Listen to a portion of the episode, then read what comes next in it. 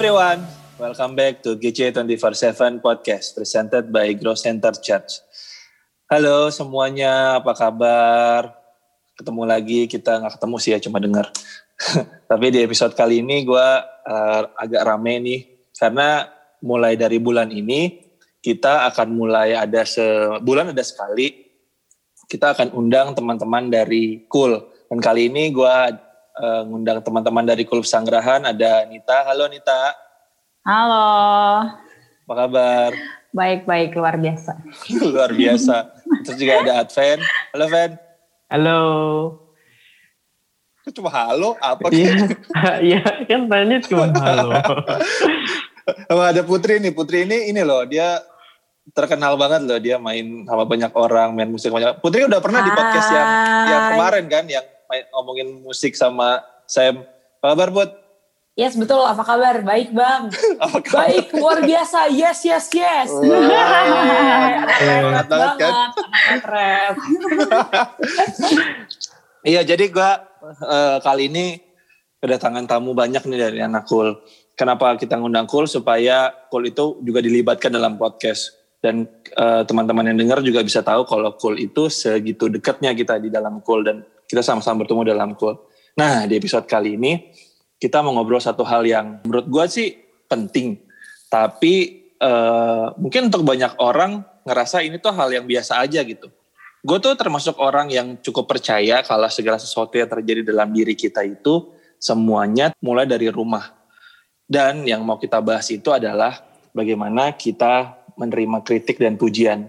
Mungkin dari orang tua, mungkin dari pasangan. Nah, gue mau mulai tanya dari siapa ya? Dari dari Putri deh. Put, gue mau nanya dulu Put.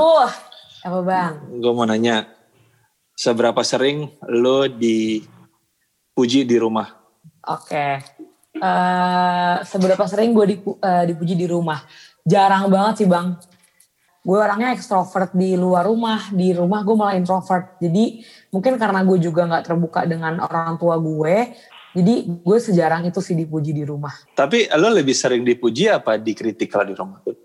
Uh, dikritik sih. Dikritik? Ya tapi dikritiknya tuh sebenarnya kayak gue bukan bela diri ya. Kayak Enggak beneran kayak bukan bela diri. Kayak dikritik karena dia orang tua gue nggak tahu gue ngapain.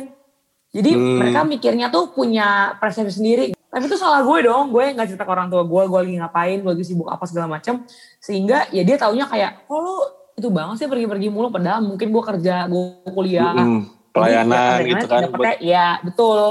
Jadi kayak taunya dikritik aja gue. Uh, jadi jarang dipuji ya itu kan jarang Putri ya? bang. puji dong Kalo, puji aku dong sekarang juga please. Putri ini luar biasa loh. Putri ini kan main sama banyak musisi luar biasa. Tuh gue puji loh. Amin, puji Tuhan. Kalau ngefly deh aku dipuji. Jangan lupa teman-teman follow at Putri Siaan biar lihat dia main nama siapa aja. Kalau Adven gimana Ben? Lalu kalau di rumah sering dipuji nggak? Kalau di rumah sih jarang banget sih. Hampir nggak pernah, hampir nggak pernah sih kalau dipuji ya. Kan jangan-jangan kita serumah, kan Nggak gitu juga konsepnya. kita sana guys. Kenapa tuh Ben? Kenapa jarang dipuji? Karena memang dari kecil pun mereka tidak mengajarkan gitu loh.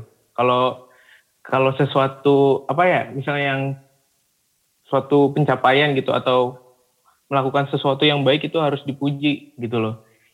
Kalau ngelakuin yang baik itu emang sudah seharusnya gitu loh. Jadi enggak Jadi kayak kayak itu emang udah harus dilakuin gitu ya. Iya, Ngapain emang puji emang itu bagian lo gitu ya. Iya, sedangkan kalau kritik lebih banyak. Nah, jadi kayak lebih banyak yang dikritik daripada terima pujian gitu. Tapi lo waktu dikritik itu apa sih yang lo rasain, Van? Respon yang pertama paling cepet itu uh, menolak sih sebenarnya. Respon paling pertama tuh langsung menolak dalam hati kayak nggak suka apaan sih gini gini gini. Tapi setelah itu, setelah itu baru tuh ngerenungin. Kalau udah tenang gitu kan, udah tenang tuh baru ngerenungin, eh ternyata benar juga ya ternyata ini tujuannya tuh ngasih tahu yang bener gitu loh ya meskipun ya ya gue latar belakang Batak ya hmm. pasti kalau kritik kan dengan nada-nada yang tinggi, tinggi ya, gitu loh. sopran biasanya ya. Iya, Langsung suara tiga gitu loh. Nada-nadanya tinggi. Jadi gimana sih walaupun maksudnya kita nih sebagai anak nih yang memang sudah terlahir sebagai Batak tapi lahirnya di Jawa ya kan Heeh. yang lingkungannya juga nggak pernah teriak-teriak kayak kita doang yang sangat dominan gitu teriak-teriak kalau ada apa-apa teriak-teriak gitu kan tapi eh, kita sebagai anak merindukan gitu loh merindukan nggak kenapa sih nggak kayak orang tua lain? Maksudnya ya bisa kan nggak usah nada-nada tinggi gitu. Kalau Nita, waktu misalnya di, kayak di, lagi dikritik sama orang tua atau sama atau sama sama siapa pun lah, sama orang-orang dekat sama keluarga gitu. Lu apa yang lu rasain rasanya marah sih gue.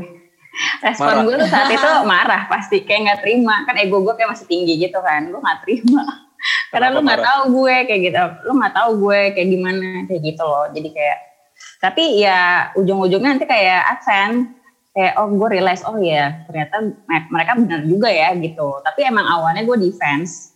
Nah, tapi pernah nggak lu pernah nggak sih kalau dikritik terus nggak marah? Kayak oh iya gue salah langsung gitu. Tanpa ada respon Hmm, Langsung. jarang. Karena gue orangnya eh, waktu remaja, apalagi waktu remaja ya, kok- apa keras kepala, kepala batu, Hmm. nggak bisa dibilangin gitu. Jadi ya orang tua gue udah kayak udah capek aja, udah terserah lo dia mau ngapain gitu. Toh juga kalau misalnya gue kasih tahu lo, lo nggak nggak tetap ngelakuin kan. Akhirnya kan juga yang rasain sakitnya kan lo gitu intinya. cuma lu sering dipuji gak sih Nit di rumah Nah itu dia, background gue walaupun gue anak tunggal ya, gue tuh jarang banget dipuji. Karena kedua orang tua gue tuh bukan orang yang apa ya, yang eh, bahasa kasihnya kata-kata mungkin, ya Iya, kan? iya. Enggak kayak gitu. Jadi gue memang kadang suka rada iri juga sama keluarga-keluarga lain yang kayak memuji-muji anaknya gitu. Kalau gue Oh sih enggak. Iya. Justru banyak banget Hmm. gue dikritik gitu. Apa Hmm. eh, dikritik kalau waktu remaja apalagi. Tapi kalau misalnya sekarang sih udah mulai jadi kayak teman kan. Jadi lebih banyak Hmm. dikasih masukan gitu. Udah nggak dikritik lagi, kasih masukan, kasih saran gitu. Tadi Nita mention soal bahasa kasih.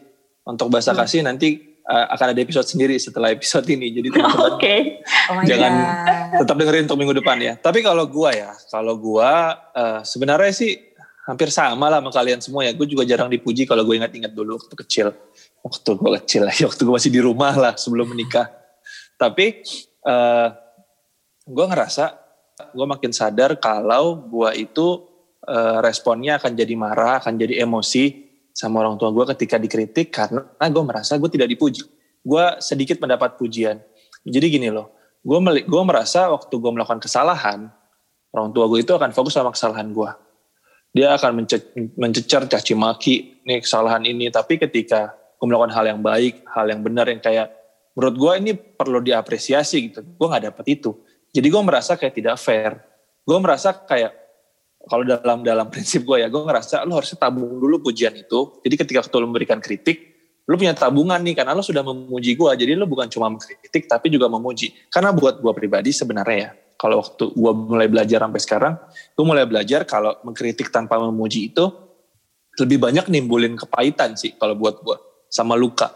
Jadi kayak dikritik terus, dikritik terus, dipujinya jarang. Mungkin dikritik lima kali, dipuji cuma sekali. Itu pun yang dipuji yang benar-benar yang yang luar biasa banget mungkin baru dipuji. Kalau yang biasa-biasa kayak misalnya hal simpel misalnya bangun tidur, eh, bersihin tempat tidur.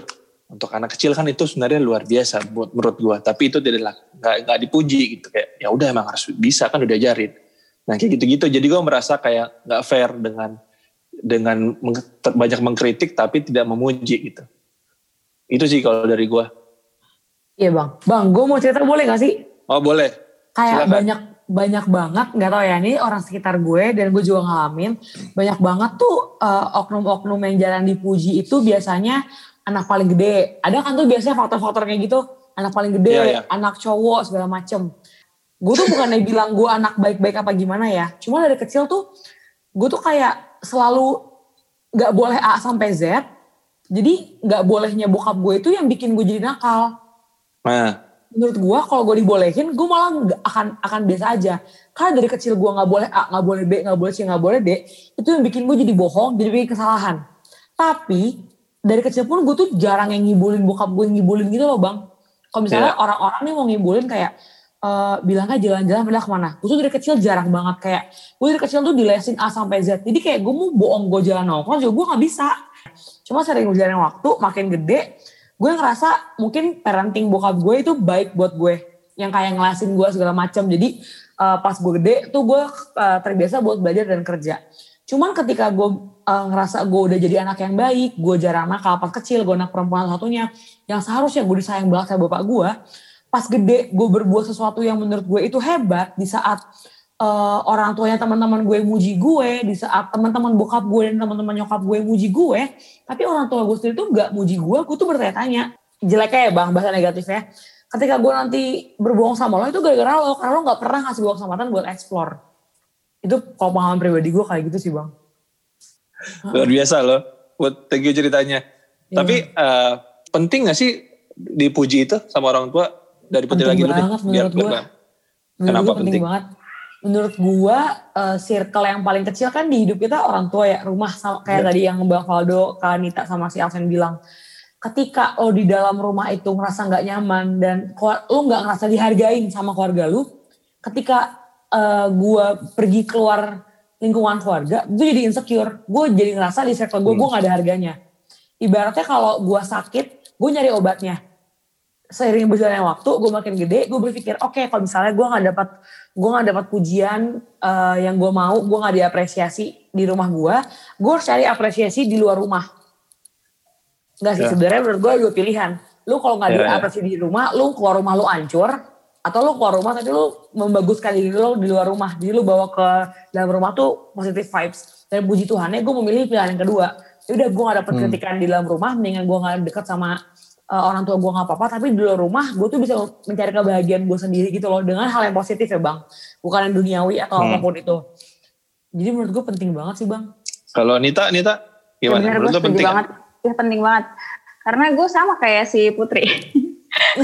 11-12 lah karena menurut gue kalau pujian dari rumah itu kan buat kita jadi lebih semangat dan yeah. bisa ngejalanin segala aktivitas kan dengan uh, enak lah gitu Nah, uh, kalau misalnya tanpa ada pujian, ya gue jadi cenderung akan lebih introvert di luar. Dan karena gue gak mendapatkan pujian itu di rumah, ya gue kayak mencari muka di luar gitu loh. Jadi gue orang-orang di luar sekitar gue tuh mengetahui, wah Nita tuh kayak gini nih, ekstrovert lah, bla bla bla bla. Kayak seneng banget. Tapi pas gue di dalam rumah, nothing gue. Maksudnya seluruh keluarga besar gue juga kayak Nita siapa gitu. Ya bukan siapa-siapa nggak ada nama gue di keluarga. Karena gue anak anaknya kan diam ya nggak macem-macem dibandingkan di lingkungan luar ya. Mau di sekolah ataupun di kampus di kerjaan ya beda gitu. Gue kayak cari prestasi di luar supaya dapat pujian dari orang. Adven Adven ya sama sih pak. Pasti setiap orang oh, tuh sama sih uh, apa ya kayak hampir setiap orang pasti suka dengan yang namanya pujian. Kalau ditanya penting ya penting. Karena itu bisa membuat apa ya gue pribadi jadi lebih semangat gitu untuk melakukan sesuatu gitu. Walaupun misalnya gini sesimpel gue nyuci piring.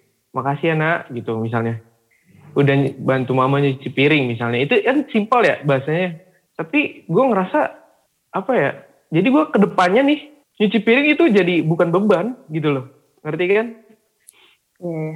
jadi hasil dari pujian itu membuat apa yang gue lakukan bukan jadi tanggung jawab doang tapi jadi kesenangan buat gue gitu. Hmm. jadi kesenangan buat gue ketika gue melakukan itu dan dipuji. Kayak gitu hmm. sih kalau gua ya, menurut gua uh, yang gua bisa gua dapat dari tadi Putri itu bener menurut gue sih benar ketika anak itu tidak dapat pujian dari rumah orang kan cenderung cari di luar gitu. Masalahnya kita kadang nggak pernah tahu kita ketemu orang di luar sama siapa. Bagus Putri punya dasar yang lebih kuat gitu. Akhirnya dia pilih lingkungan yang benar kalau orang yang salah. Menurut gue awal orang awal seorang anak bisa jadi broken home tuh dari situ dulu kan akhirnya dia salah, salah teman, salah lingkungan, dan akhirnya jadi jati diri di luar sana. Makanya kalau pertanyaannya adalah penting apa ngasih pujian, menurut gue sepenting itu. Kita tuh have no idea sepenting itu ternyata pujian cuma yang kamu pinter ya, kamu hebat ya, bagus ya kamu sekarang udah bisa kayak gini ya. Cuma hal, -hal simple kayak appreciate simple things. Menurut gue tuh sepenting itu dari dari kita kecil. Gue gue tidak menyalahkan orang tua gue gue bersyukur untuk mereka. Terima kasih mereka sudah besarin gue sampai sekarang. Mereka kasih dasar iman yang yang benar. Tapi untuk hal-hal yang menurut gue gue tidak dapatkan, gue cuma berusaha untuk kalau nanti Tuhan percayakan gue anak, gue akan lakukan itu lakukan itu karena gue tahu gue tahu rasanya jadi gue dulu kayak apa gitu satu hal satu hal lagi yang menurut gue cukup penting ya kan, kan kita ngebahas pujian kritikan jadi kan lebih ke words kan ada hmm. gue bilangnya sebenarnya tiga tapi gue tambahin satu ya four magic words ini sebenarnya yang yang kayak kalimat kata-kata yang simple banget tapi penuh dengan gengsi dan ego untuk ngucapin. Satu terima kasih. Kedua tolong. Tiga maaf. Keempat I love you. Menurut gue ini tuh hal oh, yang simple. menurut gue ini hal, hal yang simple ya. Ini tuh simple banget gitu kan kayak tolong ambilin ini dong. Dibandingkan cuma bersihin ini dong. Sama tolong bersihin ini dong. Sebenarnya kan kalimat mungkin ada yang sama, tapi dengan kata tolong tuh kan jadi lebih baik orang jadi lebih mau untuk ngerjain. Terus kalau salah langsung minta maaf gitu. Sesusah itu sebenarnya. Se, maksud gue sesimpel itu tapi orang membuat itu jadi sesusah itu karena ego gitu kan. Terus juga yang uh, apa namanya bilang I love you doang. Menurut gue ya, gue waktu orang bilang sama gue I love you, terserah deh kita mau bahas uh, bahasa kasihnya apa. Tapi orang itu kalau ada, ada orang lain yang bilang ke dia, dia disayang, dia dicintai sama orang lain. Menurut gue rasa percaya diri, rasa amannya itu akan meningkat. Yes. Jadi tendensi untuk melakukan hal yang aneh-aneh itu lebih kecil gitu. Menurut gue sih ini ini juga hal yang penting banget buat gue dan gue berusaha untuk ngelakuin itu. Mungkin belum belum belum bener banget untuk belum bisa banget gue ngelakuin. Gue sekarang konteksnya dalam hubungan gue sama istri gue ya. Tapi gue mulai mulai belajar sama istri gue kalau mau minta minta tolong apa apa ya pakai tolong. Kalau salah maaf aja. Bahkan kadang kalau gue berantem pun sama istri gue gitu ya.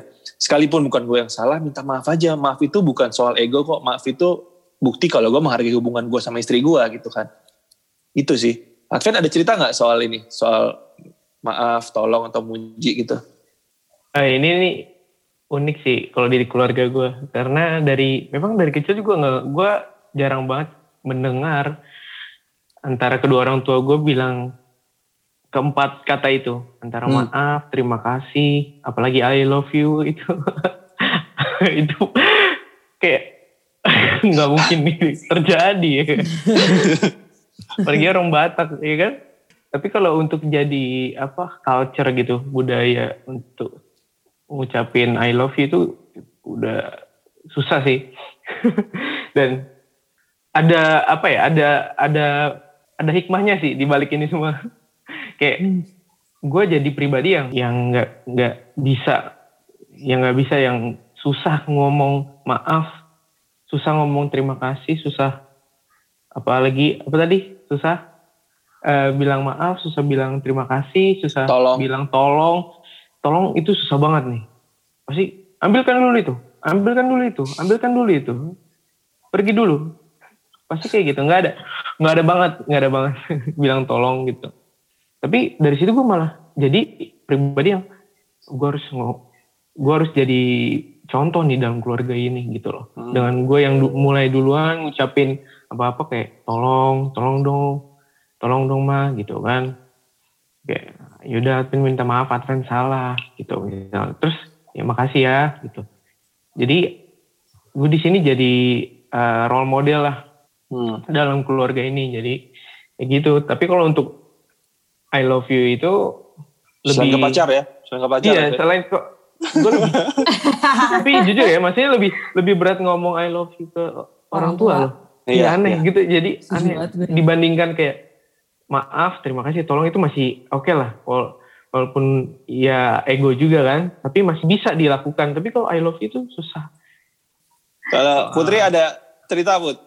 Ada. Uh, gue setuju banget kalau mungkin dari culture juga ya tapi menurut gue nggak cuma orang Batak sih kayak orang Jawa orang apa pun eh. banyak kok yang juga terjadi hal itu di keluarganya bahkan orang Batak juga banyak kok yang kayak me, Pi, tolong, I love you banyak banget menurut gue sekarang kayak gitu. Ah. Cuman uh, gue di sininya, di sini sebagai anak gue mikirnya kita tuh nggak pernah bisa berubah orang tua.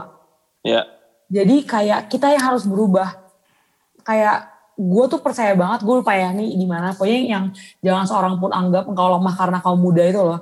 Hmm. Itu menurut gue tuh berlaku banget di hidup gue yang sekarang. Kayak ya udah mungkin di rumah dari dulu bokap nyokap gue nggak biasa yang kayak I love you bahkan kayak kalau ada ulang tahun juga kayak cuma happy birthday kayak happy birthday makan pas makan pun tuh ngegas-ngegas juga gitu cuma menurut gue kayak gue bertiga bersaudara kayak gue abang gue adik gue justru kayak di saat kita yang mencontohkan uh, bahasa kasih zaman sekarang yang kita harapkan hmm. itu malah lebih nusuk ke orang tua sih menurut gue kayak dengan misalnya kayak gue tiba-tiba sama adik gue kayak iya adek sayang deh aku sama kamu. Kayak orang tua pasti nanya kan nih kenapa nih anak gue? Tapi orang tua itu sangat menurut gue ya gengsinya tinggi banget. Jadi kayak ya udah menurut gue sebagai anak sebagai kita yang lebih muda ya kita yang berubah kayak kita yang share ke orang tua. Ya ya kayak gini yang gue mau. Karena kalau nyuruh mereka berubah tiba-tiba mereka jadi baik mereka jadi nggak ngegas nadanya nggak disopran nggak tinggi nadanya. Itu menurut gue susah karena dia udah dari kapan tahun kayak gitu. Sedangkan kita yang udah tahu digituin nggak enak ya kita jangan gituin balik menurut gue walaupun gue juga sering ngegas juga ya. Cuma menurut gue kalau lagi ada malaikat di sebelah gue kayak ingat jangan ngegas gitu sih. Dan gue tuh gue tuh per, gue pernah bang.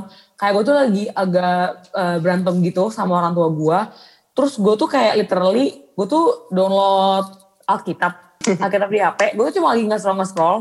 Gue ingat banget gue tuh terus sambil sambil dengerin sampai akhir hidup gue lagi nangis gitu. Terus tiba-tiba gue tuh masuk ke Amsal 27 ayat 6 isinya hmm. tuh kayak seorang kawan memukul dengan maksud baik tetapi seorang lawan mencium secara berlimpah-limpah. Itu menurut gue berlaku uh, di hubungan kita sebagai manusia. Nggak cuma dari orang tua ke anak tapi juga ke sesama. Kayak kalau emang misalnya gue temenan sama Advent, gue temenan baik Advent, ketika gue tahu Advent salah, gue akan uh, marahin dia secara keras, tapi maksud gue baik. Tapi kalau hmm. gue ngejelat Advent itu belum tentu maksud gue baik. Jadi menurut gue itu ayat tuh proof banget di kehidupan gue. Dan gue sering share uh, ayat itu ke teman-teman gue yang Kristen kalau lagi lagi curhat gitu gue lagi sama teman gue gue dikecewain sama teman-teman gue gue dikecewain sama orang tua gue gue selalu bilang kayak uh, don't expect anything ke orang lain, jangan punya ekspektasi apa pun ke orang lain karena orang lain akan saling ngecewain termasuk orang tua lu. Terus gue langsung kasih ayat itu.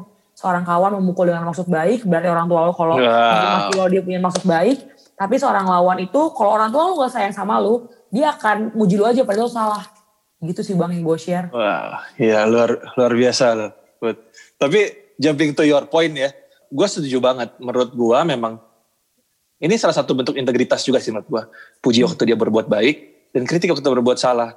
Cuma porsinya harus benar gitu. Jangan yes. cuma kritik tapi nggak bisa puji. Tapi menurut gue itu bentuk integritas gitu. Kita puji, kalau misalnya harus puji ya puji. Lakuin hal yang salah ya dikritik, silahkan dikritik. Even menurut gue sebagai anak pun ketika kita punya orang tua orang lakukan kesalahan, at least sebagai anak menurut gue tanggung jawab gue adalah gue ngasih tahu, mama, mama kayak salah deh gini. Mau didengar apa enggak, menurut gue tugas gue adalah ngasih tahu. Cuma permasalahannya sering kali karena uh, komunikasinya tidak baik gitu ya karena tidak terbiasa akhirnya jadi masalah gitu. Bahkan ketika ada masalah kecil karena komunikasinya nggak baik karena jarang muji karena bisa cuma kritik akhirnya jadi berantem akhirnya jadi konflik. Dan tadi balik lagi ke yang tadi susah minta maaf orang ngelakuin apa anak yang ngelakuin apa atau orang atau kebalikannya ya atau orang tua yang ngelakuin apa anak tetap marah gitu. Karena sebenarnya yang simpel adalah ketika ada salah ya minta maaf aja gitu kan kalau ada ngelakuin hal yang baik ya dipuji aja. Kalau ada salah kritik yang dikritik ya terima gitu. Dia dipikirin kenapa dikritik. Jangan cuma langsung uh, defense defense mekanismenya langsung keluar terus dia ngelawan gitu kan.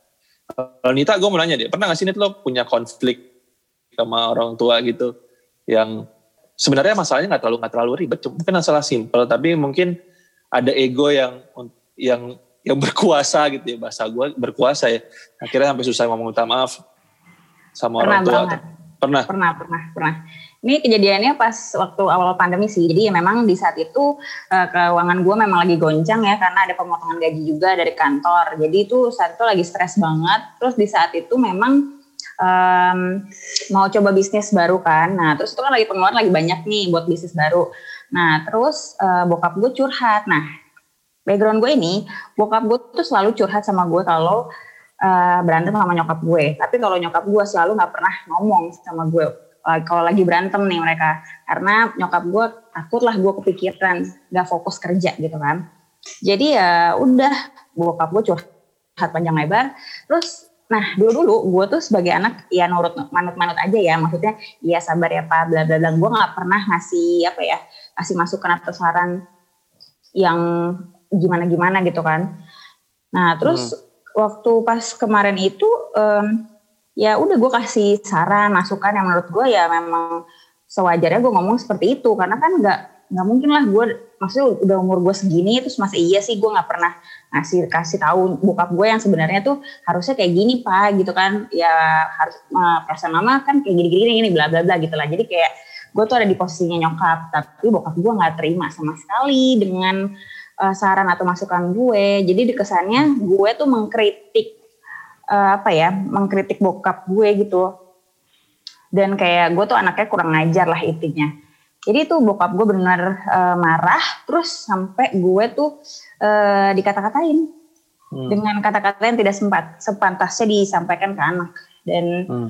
itu nggak mungkin lah gue lupakan seumur hidup gue gitu kan karena parah banget maksud gue gila. Maksudnya kalau gue jadi orang tua juga gue gak akan mungkin ngomong kayak gini ke anak gue gitu kan. Terus ya aneh aja menurut gue gue sampai curhat sama keluarga gue juga gitu karena tante-tante gue sama teman-teman gue juga. Ini gue salah gak sih ngomong kayak gini? Gue kasih masukan sama saran ke bokap nih salah gak sih gitu? Ternyata memang kata mereka memang benar gitu loh. Jadi mungkin mereka bilang mungkin bokap lo kaget kali kalau hanya lo bisa berpikir seperti ini bla bla. Karena kan sebelumnya lo cuman iya sabar bla bla gitu. Nggak ada uh, apa ya nggak ada tukar pikiran gitu loh. Baru saat ini gue tukar pikiran dan bokap gue nggak terima. Ya udah akhirnya gue diblok nomor gue. Terus akhirnya uh, gue dapet email dari bokap gue dengan uh, panjang kali lebar gitu lah. Terus gue cukup cukup shock juga terima itu email dan ya udah gue nggak bisa ngapa-ngapain cuma bilang minta maaf aja ya sorry pak bla bla bla udah gitu doang. Tapi nggak apa ya nggak apa ya nggak komen tentang kesalah apa kekesalannya dia. Kamu tuh udah begini nih gue udah gak komen lagi karena udah takutnya panjang kan. Jadi udah minta maaf aja dan dia nggak terima. Bokap gue nggak terima banget gitu ya. Udah akhirnya uh, sampai berbulan-bulan itu.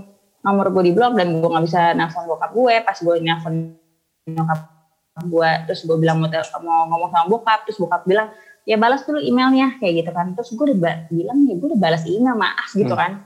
Mau apa lagi? gitu. Karena memang itu gue tahu ya gue masih ada ego gue juga. Karena menurut gue gue bener dong gue kasih tahu itu gitu. Dan gak ada orang yang di sekeliling gue bilang gue salah. Dan ya udah akhirnya sekalian berjalan waktu nyok apa teman gue bilang ya udah nih gitu kan. Ngalah aja lah gitu kan. Ya namanya kita keluarga ya mau bokap lu uh, seegois kayak gimana pun itu tetap bokap lu gitu loh. Jadi ya udah lu uh, iyain aja apa kata bokap lu. Apa yang bokap lu mau lu jawab lu iyain aja maaf kalau misalnya selama ini pemikiran lu salah bla bla bla walaupun lu pemikiran lu benar cuma ya udah gitu namanya keluarga ya harus terima dengan segala kekurangannya. Dan ya udah habis itu gue langsung jawab emailnya satu persatu satu paragraf ya ada beberapa paragraf itu kan. Gue balas per paragraf. Dan bokap gue langsung bilang oke okay, saya maafin kamu dan dulu uh, saya ngomong ke kamu misalnya itu apa uh, yang menyakitkan saya tarik ulang. Nggak hmm. bisa itu. Ya oke okay lah gitu kan. Oke okay, ditarik ulang. Cuman kan tetap aja kan. Tapi gue memang harus melepaskan berani ngelepasin lah pengampunan hmm. buat bokap gue. Wow. Gue nambahin ya dok dikit. Ya. Jadi ada hal yang unik yang gue temuin di keluarga gue ketika di luar eh, ke rumah saudara gitu kan nyokap gue tuh sering nyeritain tentang diri gue kalau gue di gue nih rajin kalau gue nih eh, baik.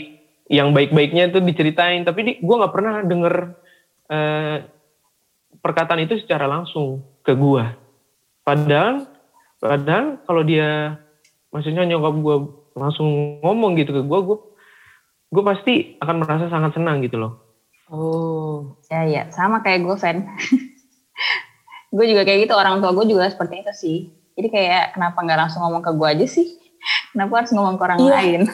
Sama, kayak sering banget ngomong ke ke teman-teman yang mereka kayak tante tuh ah tante tuh bangga loh sama putri gitu. Hmm. Pada, padahal sebenarnya kita butuh itu ya. Oh. Satu lagi ya, yang, yang menurut gua soal pujian dan kritik yang penting juga ya. Yang menurut gua penting adalah timing. Kita harus tahu kapan kita muji dan kapan kita mengkritik. kalau gue sama istri gue gitu ya kalau dia lagi capek terus gue langsung ngomel ini kenapa gini gini gini dia tidak akan fokus dengan apa yang harus dilakukan tapi dia fokus kenapa gue capek lu marah-marah ya kan terus satu lagi yang yang penting juga ketika gue lagi muji gitu lagi muji dia kalau ada depan orang nggak apa-apa gitu gue puji ini istri gue bagus nih gini luar biasa. Tapi ketika gue mengkritik dan ada orang lain mau kritiknya cuma hal simpel gitu atau ini dia nyuci baju nggak bersih gitu. Yang yang simpel. Ini contoh ya bukan kejadian sebenarnya ya. Tapi di depan orang lain gitu apalagi mungkin bahkan di depan orang tua gue gitu dia kan ada luka gitu. Dan menurut gue tendensi tendensi kita untuk ngelakuin itu tuh sering banget gitu. Kita muji kalau muji berdua aja gitu ngomong berdua. Kamu bagus sih. Nggak, nggak pernah mau kita mau muji depan orang ngakui depan orang. Tapi kalau kita mengkritik mau ada orang siapa juga kita lebih pentingkan ego kita. Lu salah ya salah mau depan orang juga gue ngomong. Nah menurut gue makanya sepenting itu itu timing. Kalau Adven menurut lo penting nggak timing itu Van? penting banget sih. Penting banget. Karena ya kita kan nggak tahu ya. Maksudnya kondisi kita tuh sebenarnya lagi capek atau atau lagi gimana gitu kan? Dan boleh gue kasih masukan juga gak sih timing Boleh. dan apa ya karena kan kita nih kayak bertiga tuh introvert ya di keluarga ya nggak sih? Tapi di luar mungkin ya ekstrovert kali ya. Nah, nah Hmm. masalahnya Bener-bener. gitu kan masalahnya orang tua kita nggak tahu nih kita nggak gaulnya sama siapa. Oke anak gereja siapa? Yang mana? Nggak tahu karena Iya, nggak iya, pernah main ke rumah. Terus misalnya aktif di kampus ya anak-anaknya siapa? Mama nggak tahu tuh siapa gitu kan temennya bla bla bla. Kan jadi kita nggak tahu walaupun kita melakukan hal-hal yang benar di luar tapi orang tua kita keluarga kita nggak ada yang tahu kita sama siapa ngejalanin itu gitu loh. Jadi ya wajar maksudnya mereka langsung marah karena gue sering selalu setiap hari dimarahin seperti itu. Gue punya dua pertanyaan terakhir tapi secara singkat ya.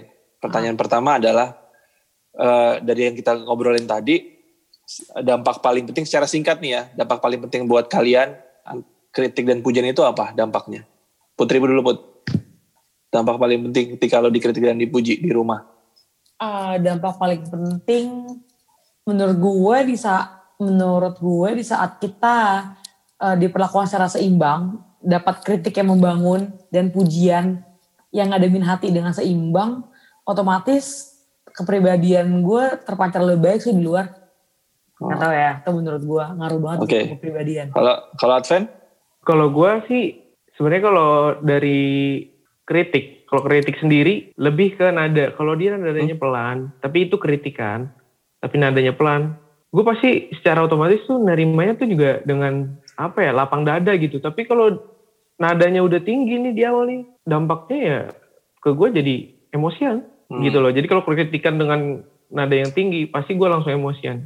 Dampaknya gue jadi nggak terima tuh dengan kritikan-kritikan yang nada tinggi tuh. Gue nggak bisa. Pasti defense nggak nggak masuk nggak masuk nggak masuk. Pasti gue nolak walaupun dia benar atau enggak pasti otomatis menolak. Tapi kalau kalau apresiasi dampaknya ya ya tadi gue ngelakuin sesuatu dengan senang hati gitu. Hmm. kalau Nita kalau gue mungkin kalau misalnya pujian dan kritikan itu seimbang mungkin gue dulu orangnya nggak insecure dan gue bisa jadi lebih pede di waktu gue masih muda gitu dan gue jadi terbuka di dalam keluarga gue gitu sih. Hmm. Pertanyaan terakhir adalah kalian kan sayang sama orang tua kalian kan, ya kan? Sayang lah. kan ada banyak ada banyak cerita gitu kan. yang kalian keluhkan sudah kalian lakuin belum ke orang tua? Sudah memuji orang tua kalian belum? udah udah dong kan gue anaknya selalu ekspresif dalam gue udah Terus waktu, waktu kalian muji apa yang apa yang kalian rasain? salting iya bener salting gue juga salting sumpah karena Adven?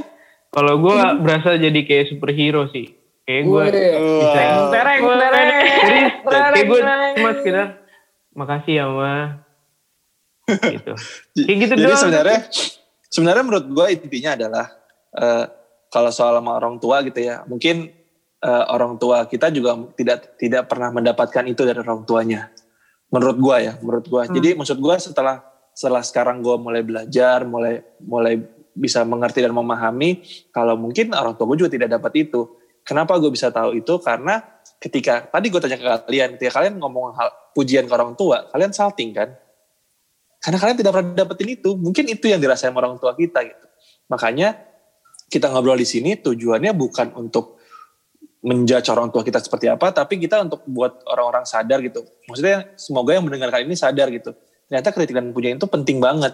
Dan kritik dan pujian itu adalah satu kesatuan, jangan dipisahin. Jangan jangan cuma muji, muji, muji. Tapi kalau ada kesalahan tidak mengkritik, tapi tapi juga mengkritik ketika ada kesalahan. Karena ketika kita terus-terusan memuji, menurut gua ya, ini pandangan gua, ketika kita terus-terusan memuji, orang lain itu tidak akan tahu ketika dia bikin salah. Dia akan ngerasa, oh enggak kok gue hebat, gue bener kok. Tapi ketika uh, dianya dikritik terus, mungkin anak, mungkin pasangan kritik terus tanpa dipuji, dia jadi merasa tidak berharga. Itu sih menurut gue. Ya, menurut gue gitu. Jadi penting banget ketilan pujian. Jadi kalau gue gua konklusi ini ya dari obrolan kita, menurut gue penting banget kita kritik dan memuji dengan seimbang dan kita tahu porsinya dan tahu timingnya dan gue percaya ketika kita mulai duluan, kayak tadi Advent, ketika, ketika orang tua kita tidak bisa melakukan itu, kita mulai duluan, gue percaya sih, Tuhan itu mulai selalu dari keluarga gitu kan. Kalau kita mulai duluan, gue percaya Tuhan pulih keluarganya. Tuhan dan Tuhan akan pulih keluarga kita. Gitu sih. Ada yang mau tambahin lagi? Amin. Hmm. Wah, amin ya. Amin aja.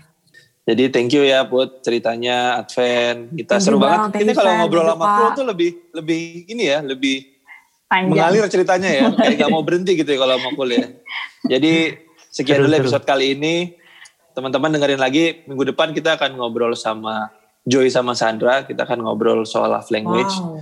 jadi tetap dengerin dengerin soal relationship di bulan ini ya. Sampai ketemu lagi teman-teman semuanya. God bless